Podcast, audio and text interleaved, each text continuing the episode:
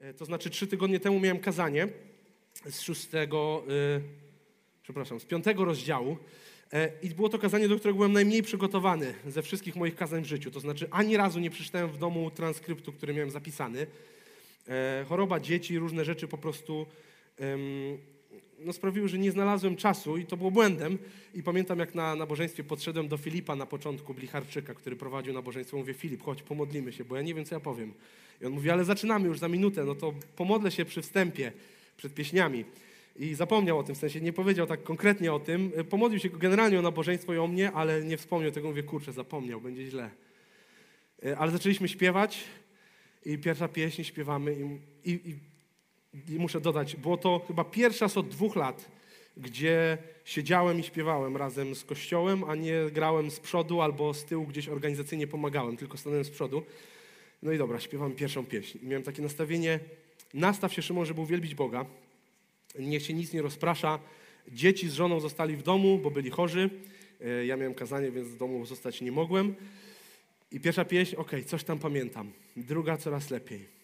Trzecia, okej, okay, chyba coś będzie z tego kazania. I podczas czwartej pieśni wyszedłem i wiedziałem, do, po czwartej pieśni wyszedłem i dokładnie wiedziałem, co mam powiedzieć.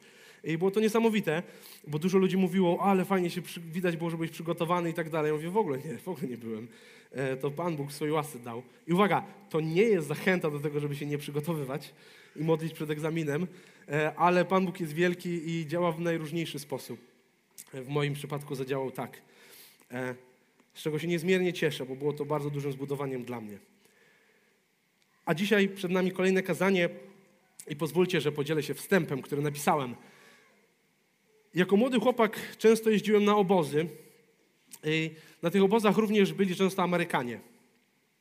Ich obecność wnosiła dużo. Jak pamiętam, fakt, że, ten, że przyjechał ktoś z Ameryki, był dla mnie i dla różnych ludzi źródłem bardzo dużej ekscytacji. Cieszyliśmy się, że jest ktoś inny, z, jeszcze w ogóle z oceanu, masakra. Przywozili oni różne rekwizyty, słodycze, ciekawostki z oceanu, o których y, wtedy jeszcze nie w takiej dobie internetu nie wiedzieliśmy. Więc poznawaliśmy masę rzeczy. Uczyli nas grać w skomplikowane sporty jak baseball czy futbol amerykański. Wszyscy czuli, że to tam jest za dużo zasad, lepiej iść kopać piłkę, ale chcieliśmy, jakoś tak ciągnęło nas do tego, pomimo tego, że te sporty sensu dla nas większego jakiegoś nie miały. I pamiętam, że w tym wszystkim moje cele były niewłaściwe. To znaczy, ja miałem za cel postawiony często zgarnąć jak najwięcej słodyczy. I co ciekawe, rzadko kiedy jadłem słodycze na obozie. Jak dostawałem od nich słodycze, to chowałem je do torby i dopiero jak wróciłem do domu, to widziałem, ile tego mam, podliczyłem. Naprawdę robiłem czasem takie, że ile, raz chyba tam kilkaset mi się udało jakichś cukierków zgarnąć byłem taki rekord. Um, Chciałem załapać się czasem na darmową pizzę, którą kupowali, bo przywozili dolary, więc dla nich to wszystko było troszeczkę tańsze u nas e, w Polsce, albo jakieś fajne koszulki czy rzeczy, które przywozili. I pamiętam, że jedną z rzeczy, które przywozili, były takie opaski, już dzisiaj trochę mniej popularne, gumowe albo materiałowe z napisem WWJD. I pamiętam, że bardzo szybko wiedziałem, co ten skrót oznacza, ale za nic w świecie nie byłem w stanie go przeczytać po angielsku. To WWJD, czyli What would Jesus do? Co zrobiłby Jezus? W moich ustach pojawiało się na kilkanaście wersji. What would Jesus do? What would Jesus do? I tak dalej. Pamiętam, że wszyscy próbując wymówić, co tam jest napisane, wyglądali jakby mieli makaron w ustach. I pamiętam całą otoczkę wokół tego. Kto miał ich najwięcej czasem? Albo jak się trafił jakiś taki z fajnymi kolorami. Pamiętam mój przyjaciel Kaleb miał taki moro materiałowy i później mama mu go strzyła na stałe, że w ogóle nie dało się go ściągnąć ani zerwać i to było super. Ale w tym wszystkim zgubione było najważniejsze – i w tym przyjeździe Amerykanów, i w tych opaskach, które rozdawali, czyli pytanie, które było na tych opaskach zadane. I nie wiem, jak bardzo moje życie byłoby inne, gdybym w wieku 8, 10 albo 18 lat w każdym działaniu kierował się właśnie tym, co nosiłem codziennie na nadgarstku. Co zrobiłby Jezus w tej sytuacji? I tym wstępem chcę nas przywitać na naszym siódmym kazaniu z listu do Koryntian, gdzie będziemy przyglądać się rozdziałowi szóstemu. Nie wiem, czy specjalnie, czy nie, ale jakoś tak zrobiłem, że z pierwszego rozdziału powiedziałem dwa kazania, więc teraz mi się już nie zgrywają te liczby, więc jest siódme kazanie z szóstego rozdziału. E, I rozdział ten kończy krótką, bo tylko dwurozdziałową sekcję tego listu, gdzie Paweł rozprawia się z konkretnymi grzechami, o których usłyszał w kościele w Koryncie. Od kolejnego, czyli siódmego rozdziału, zmienia się troszeczkę ton, ponieważ widzimy, że rozdziały kolejne zaczynają się co do kwestii małżeństw, co do kwestii kobiet i tak dalej. Jakby Paweł w kolejnych rozdziałach odpowiadał na pytanie, które prawdopodobnie Koryntianie mu w liście do niego zadali. A w poprzednim kazaniu, w szóstym kazaniu z piątego rozdziału, e, mówiliśmy o konkretnym grzechu, który pojawił się w kościele w Koryncie, jakim było życie z żoną swojego ojca, ze swoją macochą i o tym, jak Paweł zachęca Kościół, jak mają na to reagować, jak mają reagować na grzech, jak mają podchodzić do ludzi, którzy grzeszą nie za bardzo chcą się do tego przyznać i jak, jakie zalecenia mają w kontekście dyscypliny. A teraz zajrzyjmy do naszego tekstu dzisiaj. Pozwólcie, że przeczytam ten rozdział w całości, ale zanim to, to pójdę po wodę. Mam nadzieję, że nie... Albo Jonasz, podasz mi tam szklankę, bo jej nie wziąłem. Dziękuję.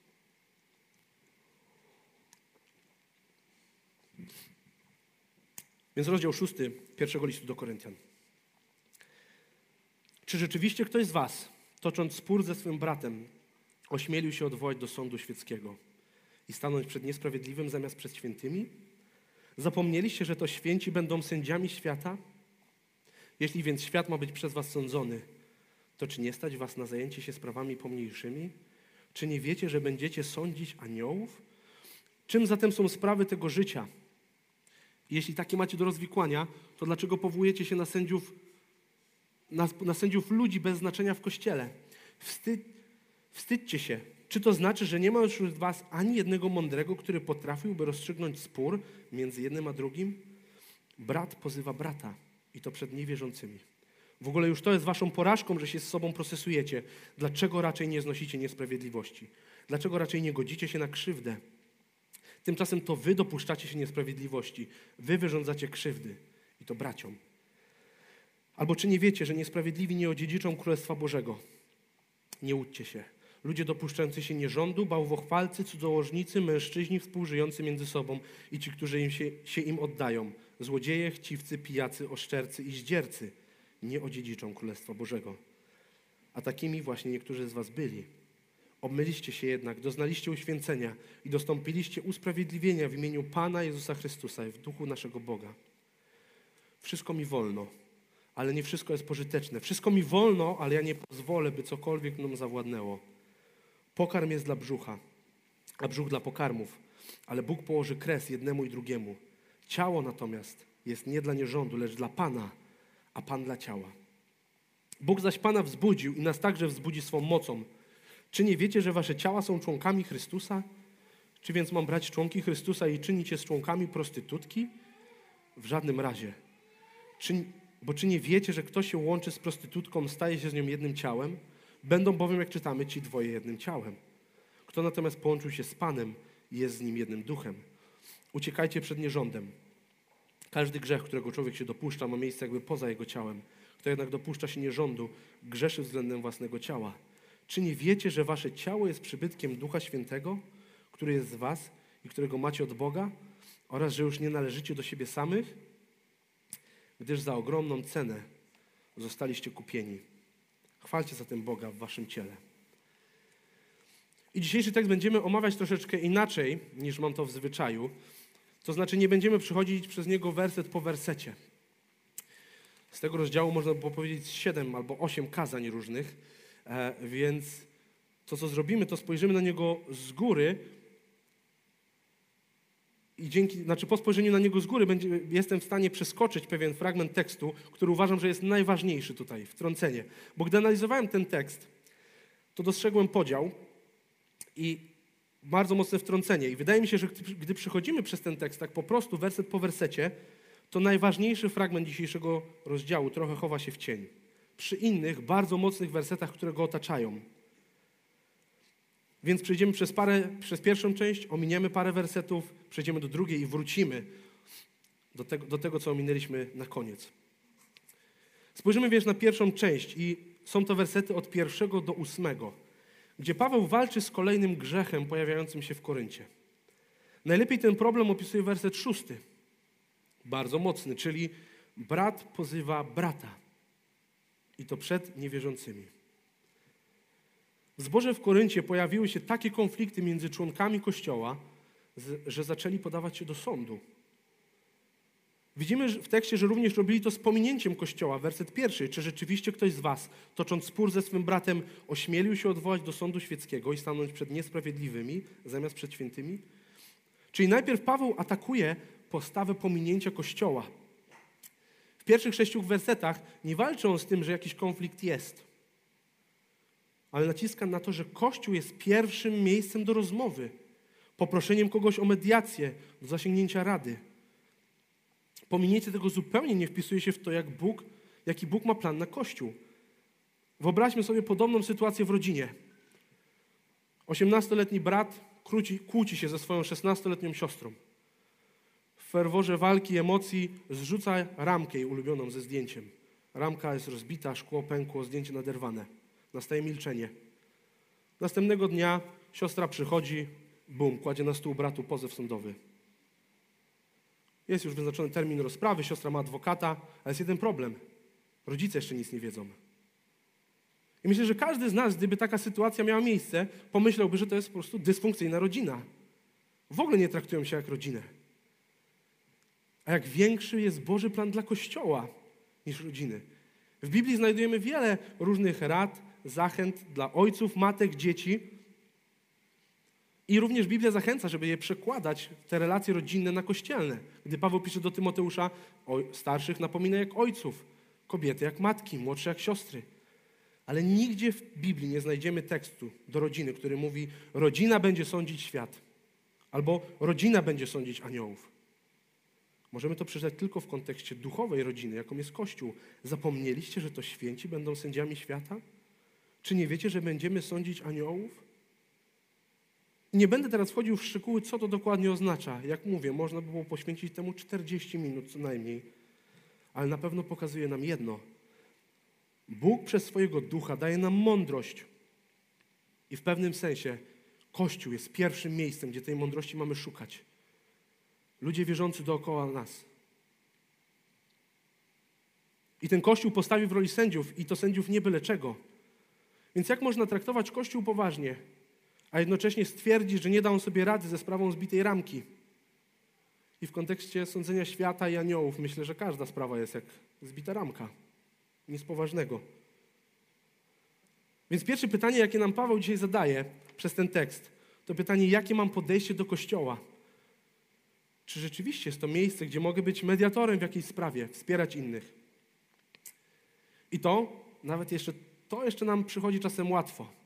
Szybko zakładamy białą perukę, siadamy i to teraz my będziemy rozsądzać, kto ma rację, a kto nie. Jakby co nie o to chodzi w mediacjach. Czy Kościół jest miejscem, do którego przychodzę z moim konfliktem i pytam o radę? W naszym kościele, w KNS-ie jesteśmy, każdy z nas jest częścią małej grupy. Czy tam rozmawiam o otwartych konfliktach, czy tylko przychodzę, jak już jest jakiś zamknięty? Albo moje zdanie jest postanowione i go nie zmienię. Albo czy może, uwaga, teraz będzie ekstremalnie, czy kiedykolwiek posunąłem się tak, do tak ekstremalnej rzeczy, jak rozmowa ze starszym kościoła z pytaniem o radę? Uch, nie, to jest za dużo, już tak nie można. Naprawdę, pierwszym miejscem do tego są nasze grupy, ale gdy one nie wystarczają, każdy członek z naszej rady jest na pewno otwarty na rozmowę. Ale klasycznie Paweł się na tych radach nie zatrzymuje. Gdybyśmy, gdyby tu skończył, to mało z tego byśmy mogli wynieść do naszego życia. W końcu w naszej kulturze w Polsce nieczęsto chodzimy z kimś do sądu, raczej sądy kojarzymy z poważnymi kradzieżami, morderstwami. Ale gdy omawiam list do Koryntian, to już trochę się do tego przyzwyczaiłem, że za każdą miłą, sympatyczną radą, którą mogę wprowadzić w życie od dzisiaj, kryje się myśl, która wywraca wszystko do góry nogami. Co mamy dalej? Werset siódmy. W ogóle to już jest waszą porażką, że się z sobą procesujecie. Dlaczego raczej nie znosicie, nie znosicie niesprawiedliwości? Dlaczego raczej nie godzicie się na krzywdę? Jak łatwo można powiedzieć albo napisać takie słowa ale jak ciężko nawet w najmniejszej sprawie jest rzeczywiście znieść niesprawiedliwość. Pogodzić się z tym, że ktoś nas skrzywdził i nie oczekiwać naszej ludzkiej sprawiedliwości. I bardzo przypomina to słowa skazania na górze Jezusa, które omawiał po części Łukasz tydzień temu. Czytamy w Ewangelii Mateusza 5 rozdziale 38 42 wersecie Wiecie, że powiedziano oko za oko i ząb za ząb. Ja wam natomiast mówię, nie odwzajemniajcie zła. Temu, kto ci wymierzy prawy policzek, nadstaw również lewy. Temu, kto cię pozywa do sądu i chce zabrać tunikę, zostaw także płaszcz. Kto by cię zmuszał, byś niósł jego ciężar jedną milę, nieść dwie mile. Temu, kto cię prosi, daj i nie odwracaj się od tego, kto chce od ciebie coś pożyczyć.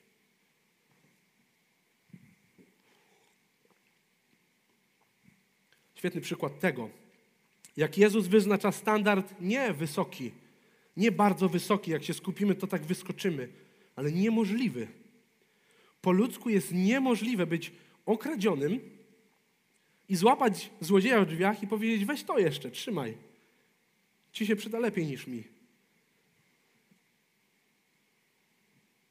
Niemożliwe jest to, żeby kiedy, gdy nam się nie chce, a przeważnie nam się nie chce, odpowiedzieć pozytywnie na czyjąś prośbę, żeby towarzyszyć mu w trasie i dodać do tego, że my chętnie pójdziemy dwa razy dalej.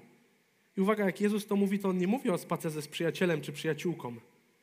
Jezus wspomina prawo z pierwszego wieku, które pozwalało rzymskim żołnierzom powiedzieć Żydom: Masz nieść mój ciężar, masz nieść moje rzeczy, bo są za ciężkie, ze mną przez jedną milę. To ważyło 45 kg czasami. Jezus na to mówi: Co? I z nim drugą milę z własnej woli. Dlaczego raczej nie znosicie niesprawiedliwości? Dlaczego nie godzicie się na krzywdę? Niemożliwe przez nas do wykonania, ale Chrystus dokładnie to zrobił. Zniósł największą niesprawiedliwość. Zgodził się na największą krzywdę we wszechświecie.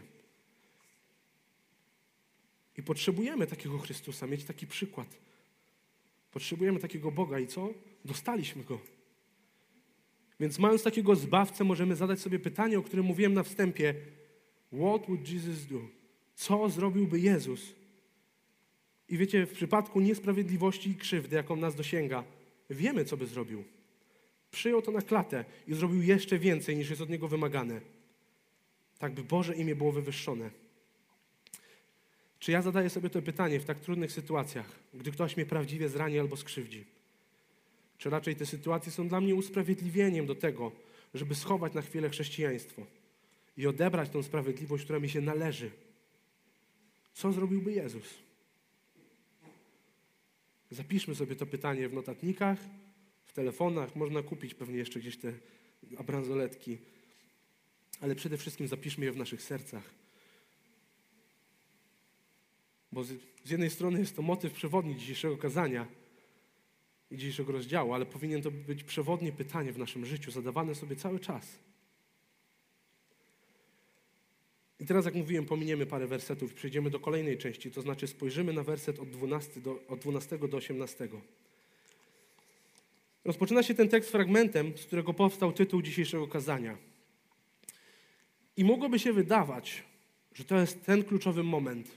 Szczególnie, że tak mamy go podzielonego w naszych Bibliach często. Mamy nagłówek przed wersetem 12. Ale uważam, że tak nie jest, że to nie jest kluczowy moment tego rozdziału. I mam nadzieję, że wspólnie to zobaczymy. Spójrzmy więc, o czym mówi druga część tego rozdziału. Czyli zaczynamy od wszystko mi wolno, ale nie wszystko jest pożyteczne. Wszystko mi wolno, ale ja nie pozwolę, by cokolwiek mną zawładnęło. Paweł mówi o wolności, jaką mają chrześcijanie. I temat ten jest bardzo ważny i często poruszany w Nowym Testamencie, ponieważ naród żydowski miał wiele zakazów, zakazów i zaleceń dotyczących jedzenia, ubioru, formy spotkań i tak naprawdę każdej sfery życia. I te zasady nazywane były prawem mojżeszowym, bo Bóg przez Mojżesza przekazał to prawo narodowi izraelskiemu. I w swoich listach Paweł wielokrotnie opisuje cel prawa. Znajdziemy to w trzecim rozdziale listu do Galacjan, gdzie skupia się tylko na tym. W liście do Rzymian temat się pojawia bardzo często i w, liście, w rozdziale siódmym z troszeczkę innego punktu widzenia niż w Galacjan. Paweł o tym mówi. Nie będę czytał tych tekstów, bo jest ich mnóstwo. Zachęcam, zróbcie to w domu, ale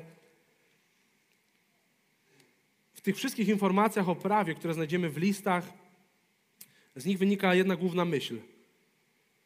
Znaczy dwie, przepraszam. Po pierwsze, nie da się go wypełnić. To jest kluczowa rzecz, która z tego wynika. A druga jest taka, jaki jest jego cel. To znaczy, ma ono pokazywać nam nasz grzech. Ma być standardem, do którego porównujemy nasze życie i sprawdzamy, jak nam idzie. I w przytoczonej już wcześniej wypowiedzi Jezusa widzimy, że raczej nie mamy szans wypaść dobrze. Ale tutaj Paweł mówi o tej wolności od prawa w pewnym sensie, którą mamy w Chrystusie i co z tej wolności powinno wynikać. Więc wszystko mi wolno, ale nie wszystko jest pożyteczne. Po co to ale? Przecież wszystko mi wolno. Wszystko mi wolno, ale niczym nie dam się zniewolić? Znowu, skoro mi wszystko wolno, to chyba mogę wszystko, prawda? Bez żadnych ograniczeń. Pozosta druga część. Musimy spojrzeć dalej. Wtrąca dziwny na pierwszy rzut oka tekst o jedzeniu. O, przepraszam, dziwny tekst o jedzeniu. Mówi, pokarm jest dla brzucha, a brzuch dla pokarmu. Mówi o tym, że Bóg stworzył jedzenie po to, żebyśmy je jedli i tak stworzył nas, żeby to jedzenie sprawiało nam też przyjemność. Nasz brzuch został stworzony do tego, żeby jeść i żeby było to przyjemne, a jedzenie po to, żebyśmy je jedli. Jak to się łączy z tą wolnością? No tak, że znając kontekst historyczny i znając też nasze życie dzisiaj, możemy zobaczyć, jak to się łączy z tym, co Paweł mówi o zniewoleniu albo pożyteczności. W pierwszym wieku naszej ery, przy okazji jakichś spisów, książek kulinarnych, bardzo łatwo jest zaobserwować to, jak wielkie obżarstwo wtedy występowało. Dysproporcja między ludźmi, którzy nie mieli co jeść i zastanawiali się, czy coś zjedzą dzisiaj, a tymi, którzy nie kończyli obiadu przez wiele dni, była olbrzymia. I w to Paweł uderza w tym fragmencie. W nadmierny zachwyt jedzeniem, w nadmierne skupienie się na smaku. Rzeczy tak bardzo obecne dzisiaj. Chrystus położył kres i jedzeniu, i brzuchowi. To znaczy, że w blasku Chrystusa jedzenie staje się czymś zupełnie mniej ważnym. I w końcu możemy uwolnić się od tego, co rozkazuje nam nasz brzuch. Nasz wspólny post z Kościołem w listopadzie świetnie to pokazuje w naszej rodzinie. Jak ciężko przez miesiąc jest zrezygnować ze słodyczy. Nagle to jest tragedia w ogóle taka mentalna. Jak? Nie no, tydzień chociaż zrobię, to może będzie dobrze. Ale miesiąc? No nie. Albo jeden dzień bez jedzenia cały? No nie, no jak zjem rano może i wieczorem, to tam pomiędzy z trzy godziny dam radę. No ale cały dzień? Przecież nasz brzuch ciągle woła o to, że jest pusty. I u nas w kościele, gdyby nie świadoma decyzja zrobienia tego i chcemy, że chcemy to robić w listopadzie i wsparcie innych ludzi, to, że robimy to razem, to jak ciężko byłoby to zrobić. Ale bez Chrystusa niemożliwe byłoby to zrobić. Bóg położył dopiero kres i jedzeniu, i, drugi, i, i, i jedzeniu, i brzuchowi. W końcu staliśmy się wolni i niezależnie od sytuacji możemy powiedzieć naszemu brzuchowi stop, nie będę dzisiaj nic jadł. Nie dlatego, że mamy tak silną wolę i tak się potrafimy spiąć. Albo nie muszę codziennie zjeść kawałka czekolady. To jest dużo. No jak to? Bez. Cukier mi spada, jestem zmęczony cały dzień, wtedy w ogóle nie, no szok, muszę, bo inaczej umrę. Bóg w końcu nas od tego uwolnił. I dalej Paweł przechodzi do kwestii nierządu, a dokładniej mówi o kwestii seksu z prostytutkami. Czy to mężczyznami, czy kobietami. I coś, co w naszej kulturze nie jest aż tak popularne, i mówię to w porównaniu do pierwszego wieku i Koryntu, bo tam było to ekstremalnie widoczne i zupełnie normalne. W Koryncie mieściła się świątynia Artemidy, przy której prostytuowało się ponad tysiąc kobiet. Regularnie, codziennie. Prostytutki można było spotkać w tawernach, na ulicy, na mieście, wszędzie. W specjalnych domach publicznych, ale też innych świątyniach, no bo inna świątynia, inny obrząd, no to też muszą być tam służący. Mówimy więc o tysiącach kobiet w mieście, na ulicy. A obecni byli jeszcze mężczyźni, bo tylko te, takie dane mamy o, o kobietach. W pierwszym wieku istniał nawet w języku potocznym w Grecji czasownik, żeby się koryntianować, co znaczy cudzołożyć, dosłownie.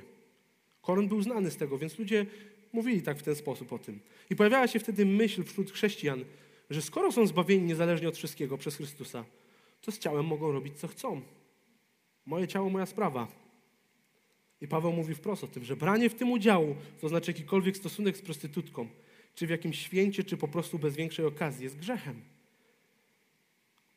W tych wersetach również pokazuje, że seks jest zarezerwowany dla małżeństwa. Gdy mówi, że uprawiając seks z prostytutką, stajesz się z nią jednym ciałem, jak mąż i żona. I więcej o tym będziemy mówić w siódmym rozdziale, gdy będziemy mówić więcej o małżeństwie i byciu singlem.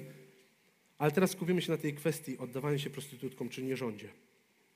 Gdy trzy lata temu zaczęliśmy czytać na naszej małej grupie KNS po kolei jedną księgę z Biblii, to po pewnym czasie dotarliśmy do księgi Ezechiela.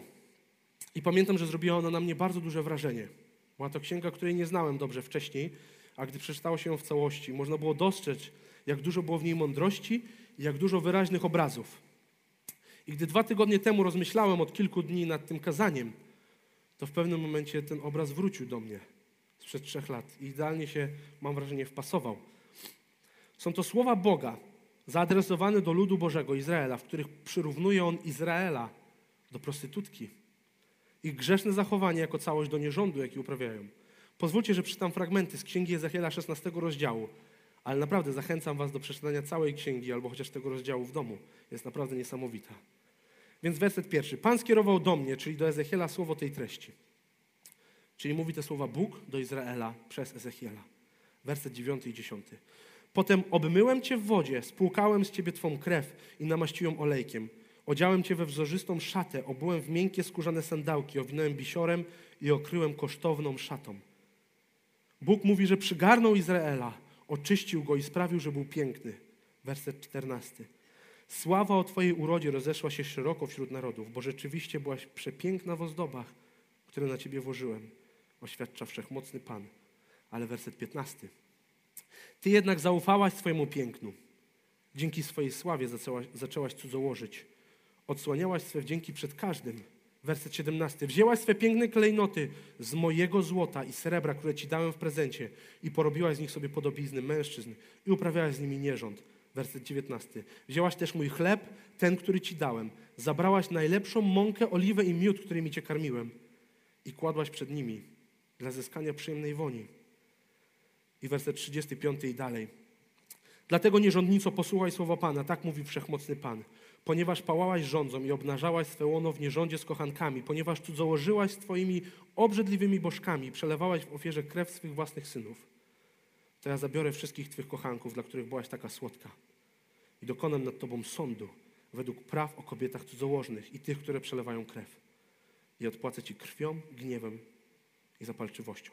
I w tym szesnastym rozdziale jest to bardzo wymowny obraz tego, jak obrzydliwy w oczach Boga był grzech Izraela. Jak był skłonny powiedzieć do nich, że wyda ich na ukamienowanie i poćwiartowanie, o czym czytamy w wersecie 40.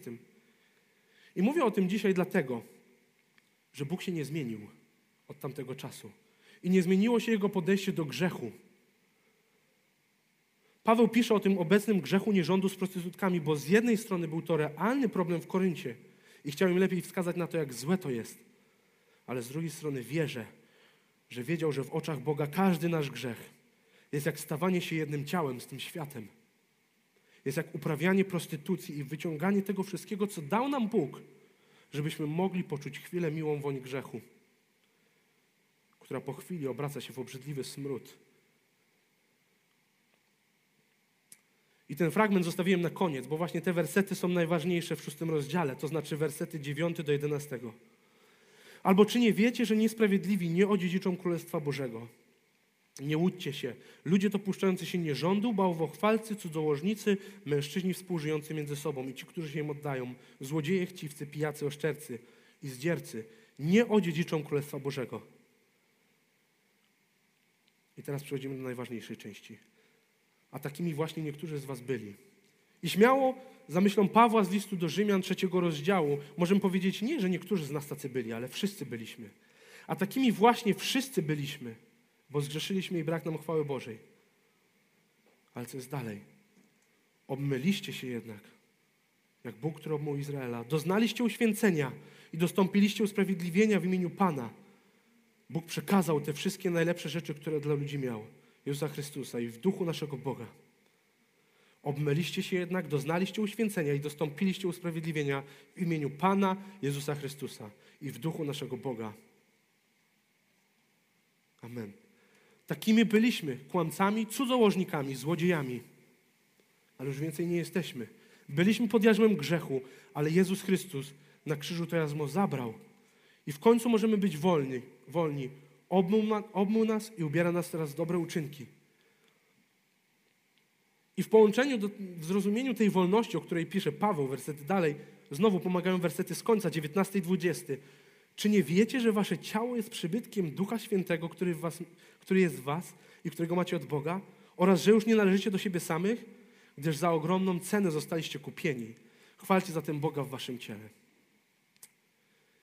Wiecie, informację o tym odkupieniu w Jezusie znajdziemy na końcu 16 rozdziału Księgi Ezechiela. Zapowiedź wiecznego przymierza i doskonałego przebaczenia, które Bóg przyniesie w Chrystusie. Ten straszny rozdział z bardzo wyraźnym obrazem obrzydliwości grzechu i tego, czego się dopuszczał, dopuszczał Izrael, kończy się nadzieją, której my dzisiaj możemy już doświadczać. Ale możemy doświadczać jej pod jednym warunkiem. Pod warunkiem, że zostałem obmyty krwią Jezusa Chrystusa. Jego ofiara była również za mnie. Więc jeżeli nie oddałeś swojego życia Jezusowi, to na końcu czeka cię sprawiedliwy sąd Boży, w którym będziesz w grupie z mordercami, złodziejami. Bo dokładnie to robisz w swoim życiu. Ale jeżeli przyszedłeś jako człowiek, ale przepraszam, ale jeżeli oddałeś, to znaczy wyznałeś, że Chrystus jest Bogiem, że żył bezgrzesznym życiem, przyszedł jako człowiek i zmarł na krzyż za Twoje grzechy, to On na tym sądzie staje zamiast nas. I okaże się godny tego, żeby być uznany za sprawiedliwego. Nie w naszych uczynkach, On staje zamiast nas. W Nim jest nasza sprawiedliwość. I dla tych z Was, którzy oddali swoje życie Bogu i nazywają się Jego dziećmi, mam dobrą wiadomość. Jesteśmy już wolni od grzechu. I w tej wolności możemy w końcu służyć i podobać się Bogu. Możemy robić rzeczy, które są dla Niego miłe. Wcześniej nie byliśmy w stanie z tego zrobić. Więc podsumujmy. Po pierwsze, wszystko mi wolno, więc mogę znosić krzywdę i niesprawiedliwość. W Chrystusie w końcu nie muszę szukać swojej sprawiedliwości ani zemsty, ale mogę się oprzeć o doskonałego Boga, który sprawiedliwie osądzi każdego na tym świecie. W przypadku jednak sporów i kłótni, które naturalnie pojawiają się między nami ze względu na to, że żyjemy w grzesznym świecie i dalej jesteśmy w grzesznym ciele, to Bóg daje nam Kościół. Do tego, żeby tam szukać rady, zachęty, mediacji i napomnienia, których tak bardzo potrzebujemy. Bądźmy szczerzy dla siebie na naszych małych grupach. Rozmawiajmy uczciwie o naszych emocjach, o konfliktach ciągle otwartych, o ranach niezagojonych. Bądźmy dla siebie wsparciem w tym, żeby potrafić znieść największe niesprawiedliwości, tak jak zrobił to Chrystus. Po drugie, wszystko mi wolno, więc w końcu jestem wolny od mojego ciała. Jakie to jest wspaniałe, że Bóg położył kres jedzeniu i brzuchowi. Ja regularnie w moim życiu wpadam w pułapkę zbyt dużego zainteresowania jedzeniem, zbyt dużego zachwytu nad tym, jak coś dobre jest, co jem, zbyt dużej ilości myśli o tym, co będę jadł, kiedy będę jadł. U nas w rodzinie podczas obiadu rozmawiało się o kolacji, co będziemy mieć na kolację. Ale razem z Julią przypominamy, z Julią moją żoną, przypominamy sobie regularnie, że jedzenie nie jest najważniejsze. Chrystus jest. Jesteśmy wolni od niewoli obżarstwa, niewoli jedzeniocentryzmu, niewoli skupienia na własnym ciele. Jesteśmy wolni. Pytanie, czy w tą wolność wierzymy i z niej korzystamy? Czy raczej pomimo uwolnienia sami dajemy się zniewolić? Po trzecie, wszystko mi wolno, więc chcę robić rzeczy, które podobają się Bogu. To pytanie z naszego wstępu w końcu może być prawdziwym pytaniem w każdej sytuacji, czyli co zrobiłby Jezus? Co? Robiłby rzeczy, które podobają się Bogu. Nie zdecydowałby się na lenistwo, na wykorzystywanie tej wolności do grzeszenia, ale celowałby w robienie rzeczy najlepszych. I miałem kiedyś rozmowę, gdzie padło zdanie, że w każdej sytuacji jest tak naprawdę coś, co można jeszcze lepszego zrobić. I tak się nie da zawsze tylko robić rzeczy najlepszych. Ale uważam, że do tego właśnie powołuje nas Chrystus. I to jest sednem pytania, co zrobiłby Jezus. Najlepsze, co może zrobić. Do tego, że jak widzi, że może zrobić coś lepszego, to to robi. Coś, co bardziej podoba się Bogu. I to powinniśmy zacząć robić w każdej sytuacji. W moim przypadku, uwaga, oznacza to czasem odpoczynek. Naprawdę, Jezus czasem też odpoczywał. Albo napisanie kazania. Regularnie biegam, pytam Boga o to, gdzie nas posyła jako rodzinę. Nie wiem, czy to jest Poznań, czy nie, ale nie dostaję jasnej informacji. Nie wysyła mnie na misję do Afryki, więc co mogę zrobić najlepszego? No pytać dalej, ale służyć tu, gdzie jestem. Nie czekać na znaki z nieba, tylko działać tam, gdzie mogę. Zacznijmy zadawać to pytanie, co zrobiłby Jezus przy każdej sytuacji, żeby zobaczyć, czy gdzieś nie kieruje się pytaniem, co chce mi się zrobić, co zrobiłbym ja. I po czwarte, wszystko mi wolno, bo drogo zostałem wykupiony. Nie podchodźmy luźno do naszej wolności. Nie traktujmy jej lekko. Nie mamy jej z wyprzedaży, ani nie znaleźliśmy gdzieś na ulicy. Ale dostaliśmy ją, bo Chrystus przeszedł największy koszmar i poniósł największą cenę. Sami byliśmy. Ja byłem w tej grupie, która nie odziedziczy Królestwa Bożego. Ale zostałem drogo wykupiony. Każdy dzień więc zaczynajmy od uwielbienia tego, który pozwolił nam otworzyć oczy i dał nam wolność na resztę dnia. Każdy dzień kończmy wdzięcznością za to, że zostaliśmy wykupieni. Dzisiejszy dzień przeżyliśmy tak, jak mogliśmy dla Chrystusa, a nie tak, jak zmusiło nas do tego ciało albo dowolny inny grzech. W każdej relacji uważajmy na to, żeby przypadkiem nie spojrzeć na ludzi z góry, bo przecież sami nic nie zapracowaliśmy na to, co mamy. Jeżeli natomiast nie oddałeś swojego życia Chrystusowi, nie zostałeś wykupiony. Nie zostałeś, nie jesteś wolny. Zachęcam Cię przyjść do mnie po kazaniu, będę siedział z przodu, będziemy, możemy się modlić o to, bo ofiara Chrystusa była również ofiarą za Twoje grzechy.